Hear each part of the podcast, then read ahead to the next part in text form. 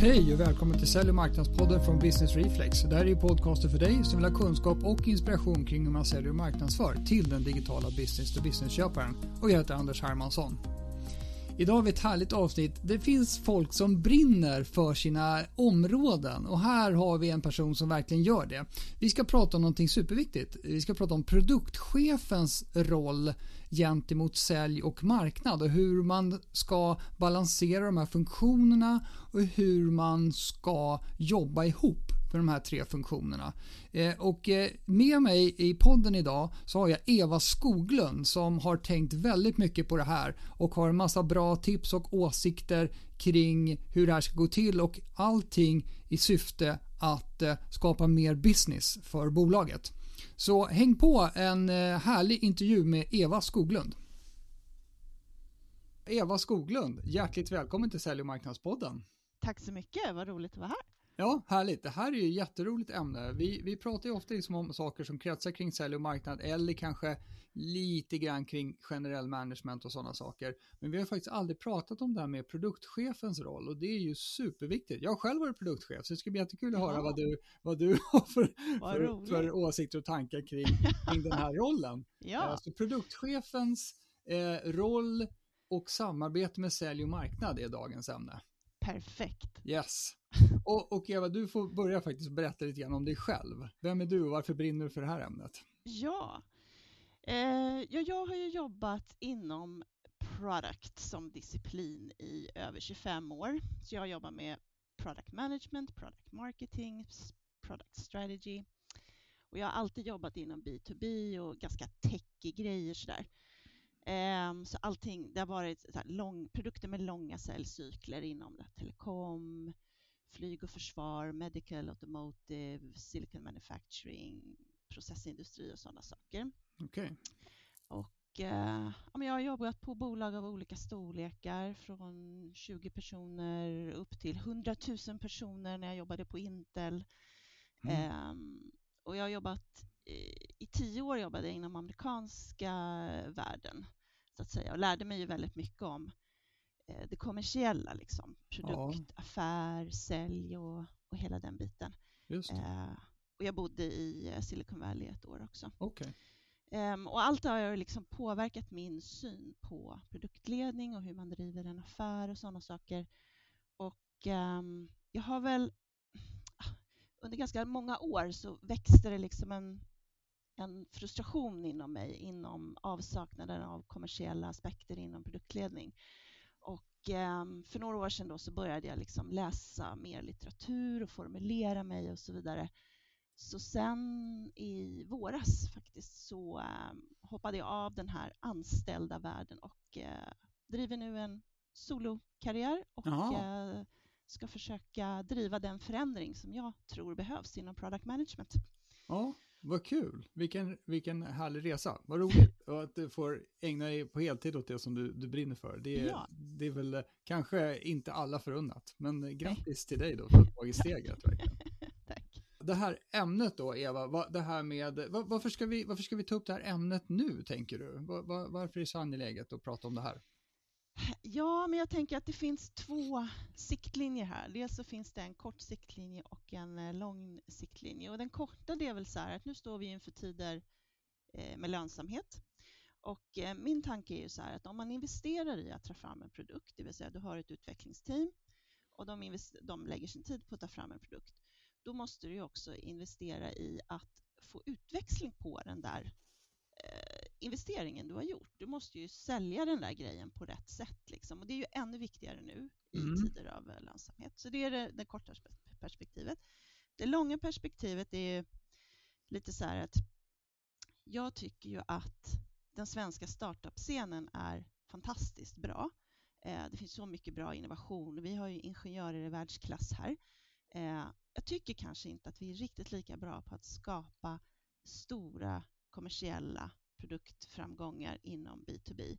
Jag tycker att vi är bra på liksom great tech. Vi är också bra på sälj. Men jag tycker att det finns någonting däremellan som är product. Mm. Att ta teknik till en kommersiell produkt som man faktiskt kan få storskalig försäljning kring. Mm. Jag tycker inte vi är så bra där. Okej. Eh, där tycker jag man är bättre i, i USA. Eh, Europa ligger lite på efterkanten där. Så att, men, men jag tycker att vi borde, vi borde kunna göra bättre i Sverige. Så det är liksom den långa Ja, jag fattar. i det här. Ja. Vad intressant, för, för jag, när du säger att ja, men vi måste ju sälja de här grejerna också, det tror jag, det är väl de flesta bolag rätt medvetna om, att de måste så att säga sälja saker. Men då säger du att vi är bra på, på teknik, och det håller jag med om. Vi, vi i Sverige är kanske lite övertro på att bara vi gör världens bästa grej, så kommer det nästan att sälja sig självt. Exakt. Alltså det ligger liksom, liksom i sakens natur sådär, eh, vilket typ aldrig har stämt. Eh, men, men, men, men eh, vad heter det, eh, vad skulle du säga är liksom den, den vanliga rollen då som produktchefen? Ja, men nu, nu ska jag bli produktchef och då säger, då säger någon till mig, ja, du ska göra det här och det här. Vad, vad är det liksom den normala eller vanliga rollen som man får då som Ja. produktchef i en svensk organisation åtminstone?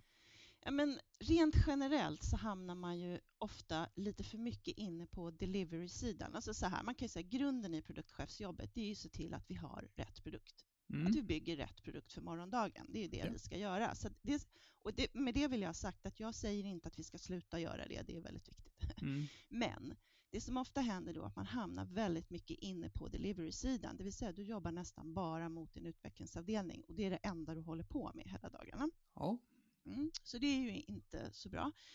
Ehm, den andra sidan är att jag tror att eh, det finns en sammanblandning mellan den här Scrum-rollen, Product Owner och Product Management. Där inom Scrum så finns ju här med Product Owner och en Product Owner tar ju ansvar för det som kallas för backlog Ja. inom det agila, eh, den agila världen. Just det. Men en produktchef har ett mycket större ansvar för när product ownern, den rollen, den slutar ju när leveransen är klar. När sista kodraden är skriven så är vi färdiga. Då är product ownern färdig. Product managern har ett mycket större perspektiv. Aha. Det är end-to-end, det är att se till att vet säljer man ska sälja, vet marknad om det här, customer success har vi utbildat dem, har vi rätt affärsmodeller, har vi rätt kommersiell paketering på plats, hur ska den här produkten köpas? Hur passar det in i kundens system och köp och så vidare? Och siktlinjerna för en produktchef är mycket längre. eh, Och, och, och, menar du, och menar du att, det, att är det så här, kom vi in på nu, redan nu på hur det borde vara, eller tycker du att det, det är så? Ja, men det är Det man är mer backlog-administratör, om jag ska vara riktigt elak då. ja, precis. Ja, nej, men jag tror att det finns två nivåer eh, av bad här. Mm, mm. Ja, men det ena är om du bara har product owners och tror att det är en produktchef och så pysslar de bara med backloggen. Ja, ja, Eh, precis. Det, då är det det ena, du är på den lägsta nivån av dåligt. Ja. Sen kan du även ha produktchefer som då har de här lite större siktlinjerna Mm. och som tänker på det kommersiella. Men de gör det inte tillräckligt mycket och inte tillräckligt sofistikerat. Jag fattar. Vad, vad skulle du säga, vad, vad, vad är det för personer som får de här jobben som produktchef? Vad, är det som, vad, är, vad är det man oftast kräver för bakgrund och kompetens för att man liksom ska Mm, få ett sånt här jobb? Ja, men ofta så har det ju vuxit inifrån. Man Mm. tar ofta någon utveckla det kanske med lite holistiskt perspektiv eller kanske någon eh, e-, eventuell projektledare som har lite mer strategiskt tänk eller så vidare. Så det kommer ju ofta inifrån och det behöver absolut inte vara fel. Ehm, men jag tror att man fokuserar för mycket på att det ska finnas domänkunskap snarare än att man faktiskt är en professionell produktchef. Mm. Därför att om du tänker på sälj och marknad så är det ju eh, helt naturligt att man tycker att man kan sälja lite olika saker. Sen är Ja. det ju bra om du kommer från den medicinska industrin eller vad det nu är och du har de kontakterna och så vidare. Men det är ju Mm. inte helt konstigt om du börjar sälja något annat. Men av någon anledning så tror man att för produktchefer, nej men då spelar det där ingen roll utan då ska du bara veta allt om din produkt. Liksom. Så jag tror egentligen att det är bättre att man eh, tittar. Jag tror att det går en, en skiljelinje mellan B2B och B2C. Det, det tror jag. Men så Mm. länge du är liksom inom B2B så skulle jag säga att man har du varit produktchef för några olika slags produkter så är det mycket bättre egentligen. Mm. Eller mycket bättre, men vill vi, ju, vi vill ju ha ett team tror jag av produktchefer. Så då får man ju sikta på en bra blandning där. Men för mycket fokus på bara domänkunskap tror jag är ett vanligt misstag.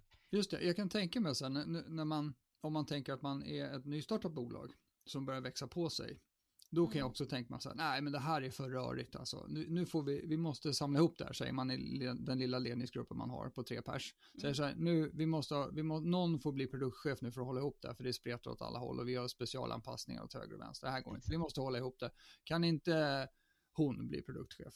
Ja. ja, men det går ju, det är säkert skitbra. Vi, vi kollar med henne, ungefär så. Att det liksom blir, det är den logiken ungefär för den första produktchefen man någonsin har. Absolut, mm. håller helt med. Ja, just det.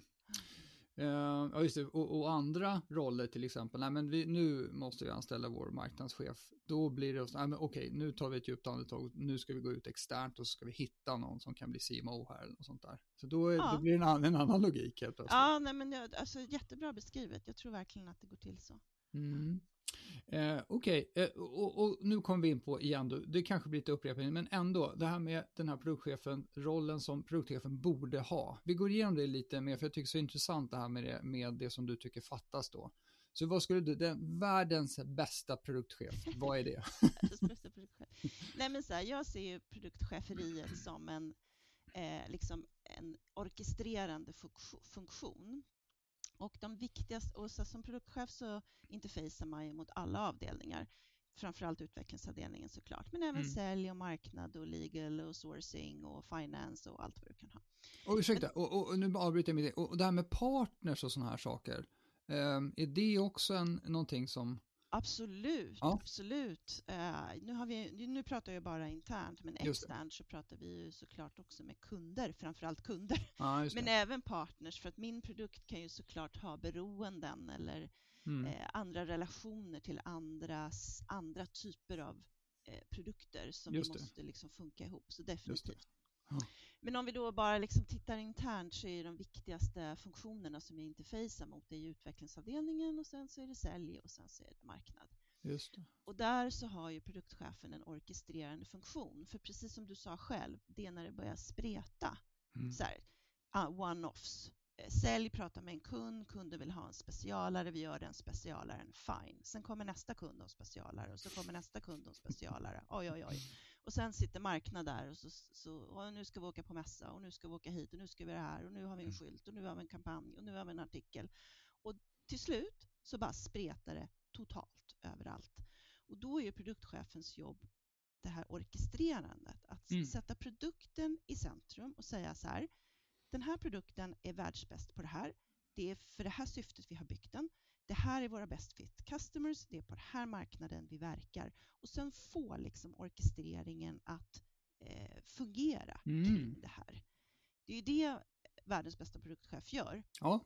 Medan många produktchefer bara sitter och fnular med utvecklingsavdelningen och sen spretar i alla fall på säljmarknad. Ja, Då blir det ju inte bra för affären och Nej. vd blir inte glad. Just det. Ja, intressant, för, för det finns ju, eh, det, det finns ju då massa invanda gamla processer kring det här Eh, och, och, jag förstår det härstammar väl från vem som blir produktchef naturligtvis och då vilka förväntningar man har på produktchefen från de som skapar den rollen första gången och framgent också. Och då ja. blir det så här, ska vi bara få lite ordning på alla anpassningar och sådana saker, ja, då blir det ju en administrativ eh, roll, tänker jag, som som helt enkelt håller ordning på vad det nu är, Trello-borden eller Giran eller Miro-borden eller vad det nu är för någonting då. då. Exakt. Och då, nej men precis, ja men du sitter du där och det är du ju, i, och jobbar du agilt då blir du i princip en product owner ja. och sen fortsätter i verksamheten och spreta i alla fall. Och sen, då vad jag tror ofta händer, det är att företaget inser så här, oj då, eh, nej men de här produktcheferna eller vi kanske måste försöka få lite ordning på det här. Vi kan väl gå en kurs eller vi kan läsa någon bok eller så. Mm. Och vad gör man då? Och då tittar man utåt i världen så tittar man vad det finns. Och då är det så här, det finns hur mycket som helst som pratar om hur produktchefen ska interfacea mot utvecklingsavdelningen. Ja. Det finns hur mycket som helst inom roadmapping och discovery och det finns metoder och modeller och böcker och kurser och certifieringar och litteratur och hur mycket som helst. Ja. Allting, nästan allting fokuserar på interfacet mot utvecklingsavdelningen och att bygga en bra produkt för morgondagen. Mm. That's it. Ja. Och, Men och, ja. här finns det ju problem då. Ja, just det. Jag fattar. Och, och, jag tänker från andra hållet så är det då som, eh, jag har ju levt i den här världen lite grann överallt då, men om jag nu fokuserar på liksom marknadssidans, eh, vad heter det, relation till produkt och produktchefen. Mm. Då är det väl egentligen så här att givet det du säger, för det stämmer ju väldigt bra, det där med den, den, den mer tekniskt orienterade administrativa produktchefen som ordning och reda på saker och ting. Någon sån här strukturmänniska som liksom... Jag blir någon lösa... slags glorifierad projektledare. Liksom. Ja, precis. Mm. Och, och på marknadssidan så finns det ju inte heller någon, någonting så här, metoder eller, eller hjälpmedel eller hjälp för hur marknad ska jobba med produkt. Det är ungefär så här, okej, okay, här fick vi en produkt i knät. Mm. Hur säljer vi den? Det enda jag kan komma på som är liksom någon sorts, möjligtvis någon form av brygga, mm. kanske lite silvertejpsaktigt, men det är ju product marketing då. Att det finns några produktnära människor som åtminstone ska försöka göra den här produkten säljbar på något vänster och göra, make a sense av den här senaste featuren som utvecklarna har knappat ihop. Mm. Vända ut och in på den och säga, vänta, är det någon nytta med den här överhuvudtaget? Mm. Mm. Och då blir den lite, då har den liksom översatts till marknadsförarens värde på något sätt. Mm. Och så kan man bära ut den. Men det tror jag, det är nog det hela. Men den är ganska, alltså product marketing är en väldigt viktig roll och här tycker jag att jag har sett, eftersom jag har varit med så länge i branschen mm. så har jag sett ett skifte i att förr i tiden, får man säga så, mm. då, då kunde produktchefen, product managern och product marketing managern, då kunde de jobba i par mm. och det funkade ganska bra. Men sen hände någonting, jag vet inte exakt vad, men product marketing flyttade mer och mer in på marknadsavdelningen och kom mm. längre och längre ifrån produkten. Och sen kom hela det digitala in för 10-15 år sedan och då blev Product Marketing Managern ännu mer in mot marknad som i stort började bli mer och mer marketing communications ah, okay. enbart. Ja, nej, då har så, man ju tappat fördelen med. Mm. Exakt, då tappar man hela den där. Så jag tycker det som förr, förr var liksom marketing med strategic marketing och partnering och alliances mm. och marketing communications som en ingrediens. Ja. Det har idag bara blivit marketing communications. Av, liksom, vi har väl hamnat där på grund av hela den digitala köpresan och det är fine, det är inte ja, dåligt. Mm. Men för product marketing och product som disciplin så har mm. det inte varit särskilt bra. Ja, just det. Och om man kollar på det här med eh, om, om jag, jag menar, tänker på att, att makt är någon form av nollsummespel inom ett företag.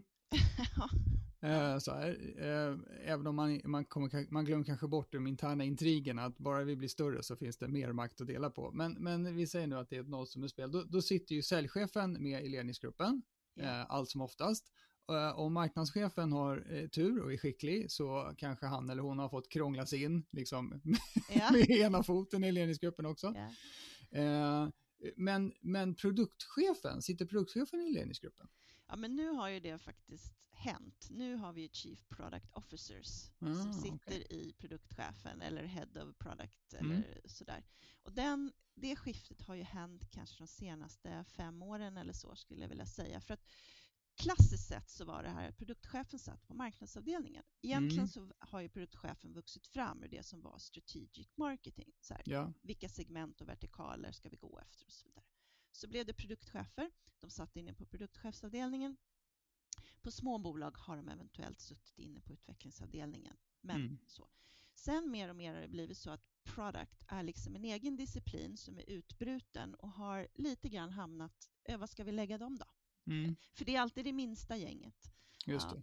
Och de senaste fem åren eller så, så kan man ju se att nu sitter det ofta en Chief Product Officer i ledningsgruppen. Right. Som har det strategiska ansvaret. Mm. Okej, okay, och om vi nu säger att det, det, blir som, som du vill och som låter väldigt bra, det här med orkestreringen av, av det här med, med sälj och marknad och produkt i ett samspel då, och kanske dirigenten är då, eh, vad heter det, produktchefen. Eh, då, då kan man kanske tänka sig att men sälj, säljarna och säljchefen, de eh, pratar ju med kunder varenda dag, så de vet min sann vilka som är de bästa kunderna. Och möjligtvis så sammanfaller det med det, med det senaste jättebra kundbesöket de har haft.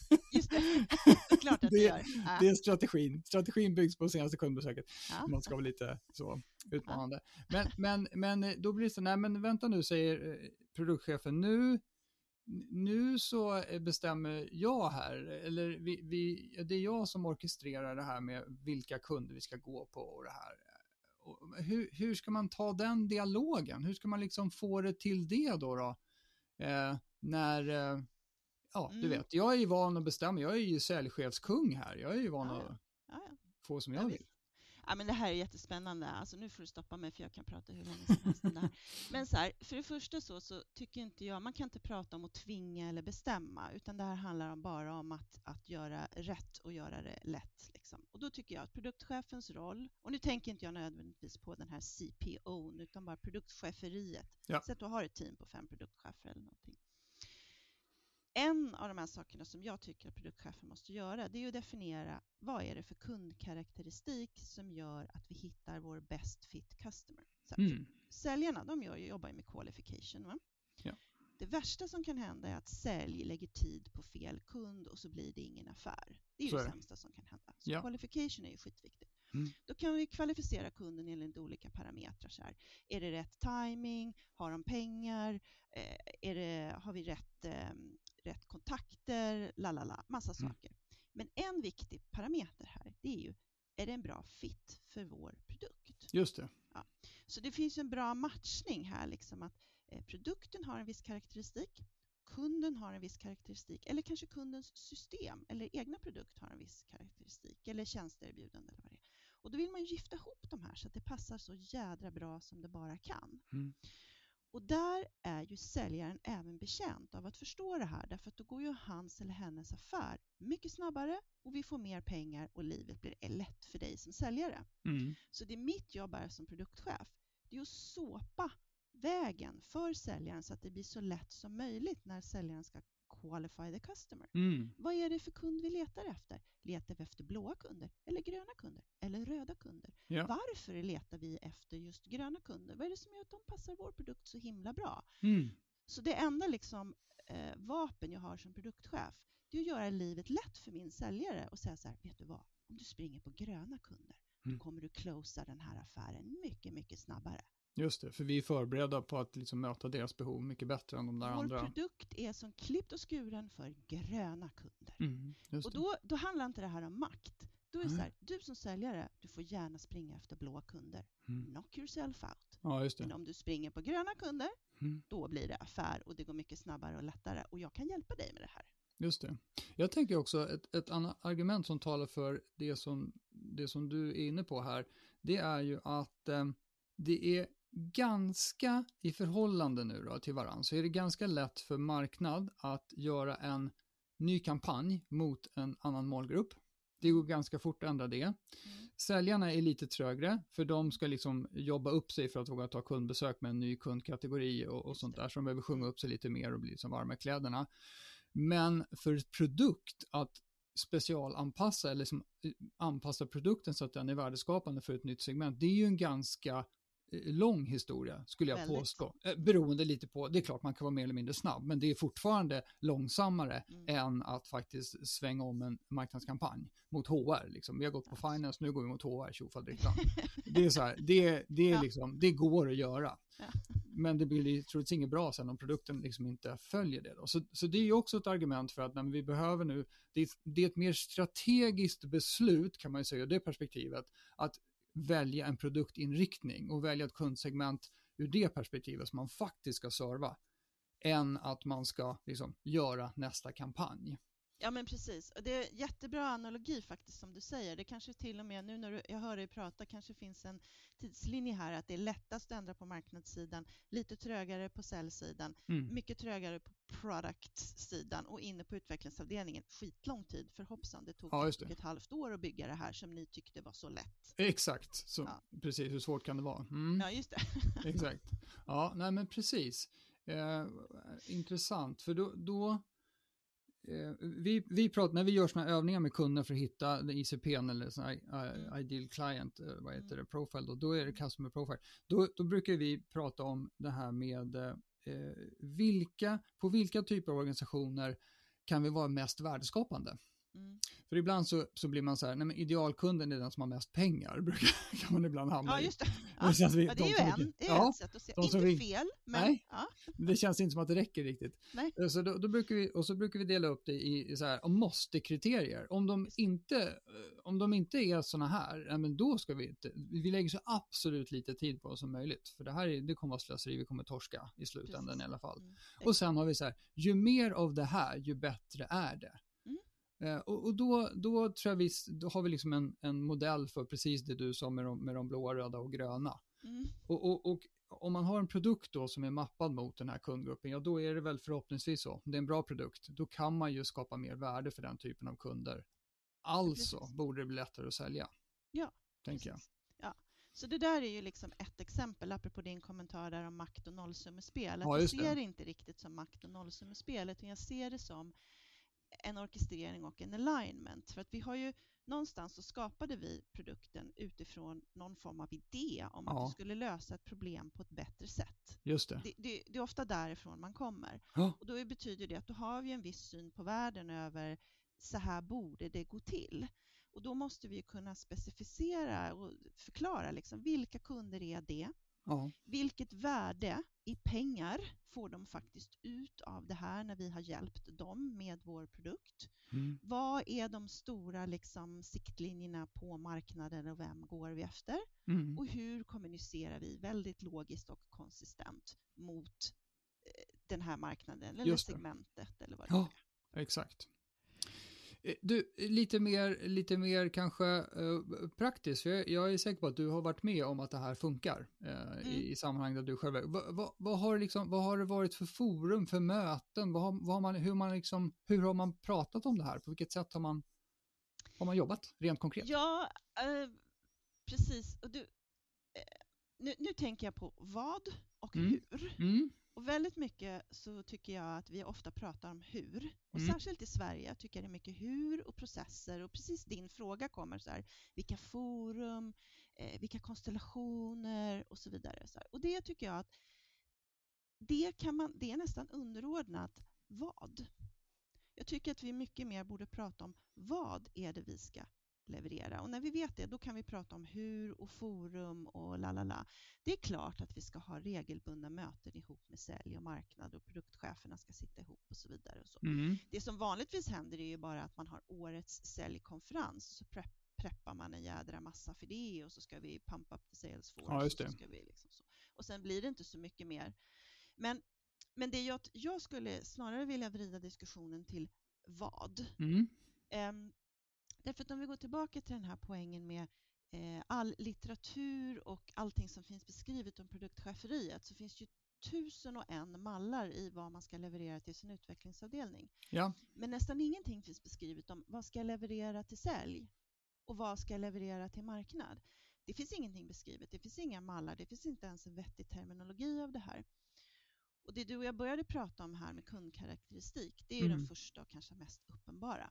Så då, det tycker jag är en leverabel. Ja. Jag tycker att säljarna faktiskt ska gå till sin produktchef och fråga, hörru du, vad är det för karaktäristik på kunden jag springer på där vi passar bäst? Där Mm. din produkt som du har tagit fram passar bäst. Ja. Det är ju en leverabel. Den andra leverabeln till, till sälj från product management tycker jag är parametrar som man kan sätta in i sin eh, värdeekvation. Därför att till syvende och sist så ska ju säljaren sätta upp ett business case för kunden. Här Ja. kära kund, så här ökar du din revenue eller så här sänker du dina kostnader med hjälp av vår produkt. Mm. Det är det säljarna ska göra. Som produktchef kan jag hjälpa till för jag kan slänga in parametrar i hur sätter vi upp det här för kunden. Därför att jag har ju skapat affärsmodellen och den kommersiella paketeringen för min produkt. Mm. Jag har ju en idé om det här redan.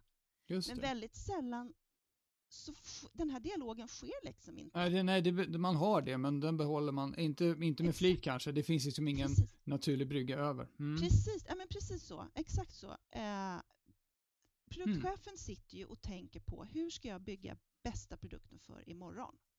När de gör det, eller när vi gör det, då Mm. tar vi reda på en jäkla massa om kunderna idag, och marknaden idag och vad det finns för alternativ och hur kunden köper. Vi tar reda på en massa saker. Ja. Och så omsätter vi det in i en utvecklingsavdelnings förståelse för vad vi ska bygga imorgon. Ja. Men vi tar inte den där kunskapen och omvandlar den till någonting användbart för sälj som är kundkaraktäristik Mhm. och parametrar som ska gå in i ett business case eller värdeekvation för kunden. Just Det, det, den tiden tar vi oss liksom inte. Nej, precis. Och VD frågar oss inte efter det. Nej. Säljchefen frågar oss inte efter det. Nej, precis. Varför gör vi inte det? Just det. Nej, men man vill ju bara, när kommer, när kommer nu då 3.2? När kommer 3.2? Precis. Men säljarna har ju bara 3.1 att sälja. Ja. Men de, de Alltså hoppas här- att kunna stänga fler affärer när 3.2 kommer, för då, då kan vi sortera på, på bokstavsordning på hebreiska. Då kommer Exakt. affärerna rulla. Och det här, exakt, det här är roligt. Det här kallar jag för the silver bullet syndrome. Ja. Vi tror alltid att det finns en magisk silver bullet around the corner. Och när vi har den där grejen, whatever it is, då kommer affären att take off. Ja, då Och vet du vad? Det har fan i mig aldrig hänt i mitt liv. Det finns inte. Utan det är så här, vi kan bara sälja vad vi har idag. Affären måste byggas på det vi har idag. Så jag som produktchef måste faktiskt ta ansvar för det också. Jag kan inte bara sitta och tänka på vad jag har runt hörnet. Nej. För det är dagens produkt som ska sälja idag och det borde faktiskt säljarna också tänka mycket mer på. Det där tycker jag är väldigt intressant, för det blir nog lite grann så. Men jag tänker tillbaks, nu var jag produktchef för väldigt länge sedan, men det var, det var, det ligger ju i linje med det du säger, att man, man får ut produkten genom dörren så att säga. Mm, Då pustar man ut och så går man och, och tar en kväll på stan, för nu är man ju klar. just det, Ja, just det. så, och, nu är det de andras eh, jobb Ja, att sälja det här. Vad skönt, Precis. för nu ska jag, nu tar jag en paus och sen börjar jag tänka på 4.0. exakt. Och Ja. så, precis, och så lämnar vi liksom bara walk over till sälj och marknad och go figure it out. Ja, Men har vi hjälpt dem? Nej, nej, inte ett dugg faktiskt har vi hjälpt nej, dem. precis. Ja, Ja, du hör ju, jag kan ju prata för er. Ja, om men det där är superintressant. Det, det är verkligen så leveransen är inte, ursäkta, den, den primära leveransen, eller den är inte bara själva produkten såklart, utan den måste också eh, vad heter det, komma med kontexten där produkten passar in. Eh, för men att man ska hitta liksom rätt. Ja, precis. Ja. Så då, då tycker jag, eh, för att gå tillbaka till din eh, så här, processfråga och så vidare, jag Mm. tycker att vi ska tänka mycket mer på vad är det Mhm. vi ska leverera. Mm. Så då tycker jag till sälj så ska produktcheferiet leverera kundkaraktäristik och parametrar till värdeekvationer. Ja, Och till marknad så tycker jag att vi ska leverera, det är lite mer fluffigt då, men jag tycker Mm. att vi ska leverera det jag brukar kalla för context setting, som Mm. handlar om vad är den stora bilden och varför existerar vi och our point of view of the market och hela den grejen. Och sen tycker jag att vi ska ha en värdelogik också som gör att vi kan eh, ständigt kommunicera på ett konsistent och logiskt sätt mot alla typer av stakeholders eh, hos kunden. mm. Och det tycker jag vi ska leverera till marknad. Plus liksom produktbeskrivningar och så vidare. Men, men inte bara produktbeskrivning. Jag, jag tror att eh, marknad skulle tjäna, man skulle tjäna väldigt mycket tid på och också få högre verkningsgrad på marknad om, om eh, man var överens om på företaget och det kan komma från produktchefen eh, eh vilket problem är det siktar på att lösa. För, för, eh, för just att i, i många marknader så är ju inte kunderna eller de potentiella kunderna så intresserade av lösningen för de har inte ens kanske fokus på det problem som man löser. Så om man kunde, om man kunde eh, förse marknad, hjälpa marknad att förstå det problem som vi faktiskt har satt oss själva på jorden för att lösa. Då ger det ett superbra underlag för marknaden att sen spinna det åt höger och vänster för olika typer av personer som påverkas av det här problemet på olika sätt. Precis. Den skulle jag vilja ha en, en, en det vore trevligt. Ja, men precis. Mm. precis. Och då tycker jag också att man kan, man kan bygga upp en logik kring sin argumentation som Mm. går från högt till lågt. Ja, Och då kan man ju liksom sätta in det där i en viss struktur och en viss mall som gör Mm. att man alltid täcker in alla aspekter på ett konsistent sätt. Så det inte blir det här Mm. spretet av mm. hoppsan, nu ska vi åka till Milano och göra en mässa och nu pratar vi om det senaste utan att ha en aning om vad det, om det faktiskt är relevant. Just det. Ja, men, men bra poäng. Du, jag måste komma in på det här med, om vi nu säger att, att eh, vi, vi, eh, man är vd Eh, och man, eh, man har säljchef och man vet mycket väl hur man ska mäta den där säljchefen, antingen på orderingång eller fakturering eller pengar på banken, vad nu, beroende på mm. hur, man nu, hur långt man nu går. Så. Och, och så har man customer success och det är körn som gäller där och sen har man marknad och då kanske det är, inte vet jag, antal leads eller något som man liksom bankar i huvudet på, på marknadschefen. Eh, och vad, vad, är det man ska liksom följa upp produktchefen på då? Finns det något, kvantifi finns det något sätt att kvantifiera det här? Eller, eller, eller går inte det? Jag tror, jag, det här är jättesvårt faktiskt. Jag tycker att det här är knepigt. Jag har funderat ganska mycket på det och jag tror att det är en väldigt relevant fråga för det första. Hur ska, för det tycker jag man ska fundera alltid på hur man ska mäta allting. Mm. Mm. Eh, men problemet med produktchefen är egentligen eh, två här. Det ena är att du har ju egentligen aldrig eh, ett riktigt mandat. Du är inte chef över någon. Du är chef över dina produktchefer om du är CPO. Men, ja. men annars är du inte chef över någon utan du kan ju bara exekvera genom förtroende och göra att alla tycker att det blir mitt liv som marknadsförare eller säljare eller utvecklare blir lättare och bättre och enklare om jag jobbar med den här produktchefen. Ja, det. det. är det enda jag liksom har i min portfölj för jag kan inte beordra folk. Um, så det gör att det blir knepigt att mäta för att jag har ju inget äkta mandat. Jag kan ju inte vad ska jag göra? Liksom? Det är Nej, precis. Det är, för många, det är för många grejer som, som du inte kan påverka. Så att om man har en KPI på dig så kan man säga, ja, jag är ledsen, men jag, det är för Nej, mycket som är out of my control. Så att det, ja, men lite, mm. lite så. Så det är ja. det ena som är svårt. Det andra är ju att produktcheferna är ju de som verkligen ska stå för det långsiktiga. Alltså alla andra får ju har ju rätten att tänka kortsiktigt ibland. Mm. Mm. det måste de ha. Mm. Men produktchefen får aldrig släppa det långsiktiga. Och det är då man alltid måste väga in å ena sidan och andra sidan och la la la la la la. Och då blir det också ganska svårt att sätta mätetal. Mm. Så med det sagt mm. så har jag egentligen bara hittat eh, ett par olika saker jag tror man kan mäta. Om man överhuvudtaget liksom ja. vill göra det här så tror ja. jag det ena är bara allmänt så här, hur går det för företaget? Mm. Skittråkigt svar, men mm. så här, kan vi ha något allmänt om hur det gick, hur vi växte eller vilken lönsamhet vi hade? Ja, men då tycker jag kanske att produktchefer kan mätas delvis på det, för då mm. har man ju hjälpt till. Um, och den andra saken, det är ju någonstans om vi kan hitta just för vår produkt, kan vi mäta att produkten är lyckosam? Ja, Då är vi inne på sådana saker som churn eller är kunden nöjd eller sådana saker. Och det där är väldigt produktspecifikt och mm. beroende på vad det är för bransch. Och så. Men mm. kan man hitta saker där så tror jag att man kan mäta på det. Men med det sagt, det här är mm. jättesvårt. Mm. Jag vet ja, inte om exakt. det finns något bra. Liksom. Ja, I vissa sammanhang så tycker jag att man ska, vad säger man, det som mäts blir gjort och allt sånt här. Men, men samtidigt kan man bli lite trött på att det ska vara KPI på allting. Men vad jag tänkte på, en grej som man skulle kanske kunna göra, givet diskussionen om det, det är centralt med den här kundkaraktäristiken och att man går på rätt kunder. Möjligtvis skulle det kunna vara så här, om vi har riktigt bra koll på det, jag vet att det här kräver en hel del av företaget, men säg att vi har koll på vilka affärer eh, går vi på som är vår ICP till exempel, eller vår, vår, vår specifika, den kund som vi ska vara till mest nytta för. Och winrate då på de kunderna till exempel. Ja, men eh, nu hävdar vi att vi ska gå på försäkringsbolag av den större sorten i, i Norden. Okay. mm. hur ofta vinner vi då de affärerna? För det är ju de vi ska vara bäst på. Det, det ska man ju kunna vara så här, eh, och, och hur stor del av de affärer vi ger oss in på är sådana där ICP. Det, det kanske det är alldeles för få. Ja, men vänta, då, måste vi, då har vi ju det där glappet fortfarande som vi pratade om. Då funkar ju inte den där överlämningen från produktchefen mm. till säljet kanske. Någonstans åt det hållet. Men som sagt, jag håller med om att det kan, man kanske helt plötsligt börjar lägga för mycket tid på att hårklyva kopior kring det här när det egentligen handlar om en mer strategisk roll eh, där, där för att få ett samspel att fungera. Men jag tror att det du sa, det är absolut ett steg åt rätt håll. Mm. Om, man, om man kan göra det, och det, som du säger, det kräver ju ganska mycket, men mm. kan man börja där så tror jag att det är ett jättebra steg.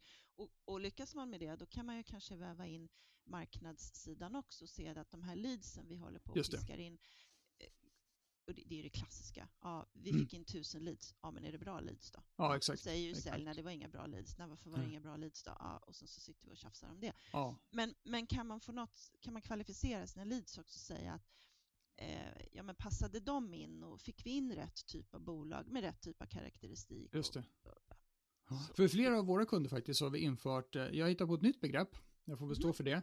Eh, kvalificering är ju det som jag tänker att man gör löpande under säljprocessen och så. Så vi hittade på ordet gallring. Så att det som marknadsavdelningen gör tidigt, så fort någon konverterar, mm. då gallrar man. Eh, då tittar man på om det är en ICP eller inte och så sätter man det som non-target om det inte är det. Så, så, så då får man mycket tidigare reda på, annars så släpper man igenom saker och så gör man nurture och man håller på och grejer och fixar. Just. Och så märker man mycket senare att det inte är en target. Eh, då har man ju slösat bort tid, för då, vet, då, man, då visste man inte att den här vad det nu kan vara, kampanjen på LinkedIn genererade en massa så felaktiga leads. Så, så det är väl tipset till marknad då för att se till att man är på rätt spår. Gallra varenda inkommande lead så fort det går för att syna det där så att man inte släpper igenom saker för då kommer man att bli klokare mycket senare. Precis, och där är jättebra. Och då, då om marknad kommer fram till att det skit som kommer mm. in, mm. då kan man ju ta hjälp, tycker jag, av produktcheferiet. Och det är då man kan prata om det här. Men vad är det liksom för budskap och kontext? Vi ska mm. hur pratar vi på rätt sätt överhuvudtaget om det här? Mm. Och vad har vi för eh, värden och hur, vad är men vad är det vi ska säga egentligen för att attrahera mm. rätt typ av målgrupp? Just det. Och då tycker jag att produktchefen också har en leverabel att göra mot marknad. Så om mm. marknad tycker att den här gallringsproceduren du pratar om, om den ja. visar på att vi gör något fel, ja. ja. men gå till produktcheferna då, eller då borde vi ha ett samspel däremellan ja, för att prata om, pratar vi på rätt sätt mm. överhuvudtaget här? Mm. Ja, men eh, toppen. Jag tycker det finns många jättebra, jag ser framför mig hur många bra diskussioner det skulle kunna vara där man mer är inne på att hjälpa varandra här än att bara, man bara är någon sorts supply chain där man egentligen, det ser ut ungefär så här, sälj, vad heter, produkt skickar, skickar produkten ut till, till organisationen, marknad försöker generera lead som de kastar till sälj och sälj försöker stänga affärer eh, och ingen pratar med varandra. Exakt, precis så. Precis ja. så. Ja, det, ja. Det. Vad, vad, heter om vi ska försöka knyta ihop säcken här då, några konkreta tips för hur man ska starta den här resan, om man nu tycker det vi har pratat om här låter vettigt i någon eh, aspekt i alla fall, om man då som, som vd vill, vill uh, hjälpa sin organisation framåt, vad, vad, vad skulle du säga är det första konkreta saken man bör göra? Ja, men om man ska utmana lite grann då, och det här, det här kommer ju kanske bli lite obekvämt då, men det är i alla fall en början. Då tycker jag VD ska gå till sina produktchefer och så ska man säga så här. Boka nu ett möte med sälj och så bokar du ett möte med marknadsavdelningen. Mm. Och på de här mötena så får du ett, inte prata roadmap, två, inte beskriva din produkt. Vad ska du då säga? det blir så jättekort möte. Det blir ett jättekort möte. Ja, Oj, vad tråkigt möte det blev. Vi går och äter lunch istället. Ah, nej, men, nej, men det är någonstans där vi måste börja. Och, då, mm. och så jag kanske vill, så här också. Jag tror ofta att sälj och marknad, alltså jag har varit med om det här så många gånger. De mm. kommer mm. till mig som produktchef och säger, de bokar ett möte sen, vi vill prata roadmap, säger de. Och så börjar vi prata roadmap. Men när vi är färdiga med mötet, då var det inte roadmappen de ville veta. Nej. De vill veta någonting annat, men mm. de kan inte ens sätta ord på vad det är de vill veta. Nej. Så jag tycker att det, det, är lika dåligt från, från sändsidan, product management, som det är på mm. mottagarsidan, ja, marknad. Ja. De börjar med så här, ska vi prata roadmap? Ja, mm. men det är inte det de egentligen pratar om. Nej. Så därför, om du bokar det här mötet med sälj och bokar det här mötet med marknad och så mm. får du inte prata om din produkt och så får du inte prata om roadmap. Det kanske faktiskt blir så att konversationen handlar om någonting annat i alla fall. Mm, just det. Det, fin men, det finns något skav här, vi vet inte riktigt vad det är. Men exakt, mm. exakt. Vad heter det, e- Eva, du, du har ju tagit någon form av initiativ här kring att, att förbättra det, just det här området. Kan du inte berätta lite grann om det? Ja, men jag har... Um, det, för det första då så har jag ju skapat en egen modell och leverabler eh, som handlar om hur product management ska interfacea mot sälj och marknad. Så jag har ju mitt eget tänk kring det där och det är byggt på på min egen erfarenhet inom många olika branscher och eh, en massa olika litteratur jag har läst och sådär. Eh, men sen har jag även ihop med en partner eh, startat ett program mm. för företag som vill gå i den här riktningen och jassa upp sina produktchefer till en mer kommersiell nivå. Ja. Så det är ju det är för produktchefer, men det är för företag egentligen som vill börja tänka mer kommersiellt och egentligen brygga över det här inte bara great tech och great sales utan faktiskt få en riktig produkt, Mhm. kommersiell produkt däremellan och hur, hur man gör det. Just det. Så det, det programmet eh, adresserar det här eh, behovet. Så det är mitt lilla bidrag så här långt. Ja, vad roligt. Och, och om man är mer intresserad av det här programmet, hur, hur, hur tar man reda på mer? Hur kontaktar man dig? Ja, man, man hittar mig på LinkedIn. Ja. Framför allt. eh, Så det är väl det Där är vi alla. Där är vi alla. Man är nästan lite nervös på hur, hur central den plattformen är faktiskt. Mm. Ja, precis. Nej, men så man kan titta lite grann på min webbsida också, sareva.se, så står det lite mera Okej, okay, Sareva, hur stavar du det? S-A-R-E-V-A. Ja. Det är väldigt fiffigt. Det Ja. står för Strategic Actionable Relevant och så är det mitt namn då. All right, härligt. Kul va? Ja, mycket bra, mycket bra. ja, men eh, tack snälla Eva för att du var med i Sälj marknadspodden och delade mer av all den här kunskapen. Jag tycker det är ett superintressant område och det finns nog som du är inne på också en otroligt stor potential att förbättra det här. Och det är inte alla områden det gör det på. Vi är oftast på filar på tredje decimalen på de flesta grejer, men det här känns som att det skulle kunna vara världens lyft. Så tack så jättemycket för det. Tack själv, det var jätteroligt att prata med dig. Ja, vad roligt. Ha det så fint. Hej då. Detsamma, hej då! Ja, men det var allt vi hade att bjuda på för den här gången från Sälj marknadspodden. Ta nu Evas råd och tussa ihop eh, era marknadsfolk, säljfolk och produktchefen och prata om allt utom product roadmappen. Och så kanske det uppstår en jättehärlig dynamik i det där, där ni ser till att få en samstämmighet kring vilka kunder som ni är mest attraktiva för, där ni tillför mest värde och så får ni en plan som sitter ihop och kan attackera marknaden med full kraft. Kör på nu bara, men vad ni än gör där ute så ska ni vara relevanta. Hej då!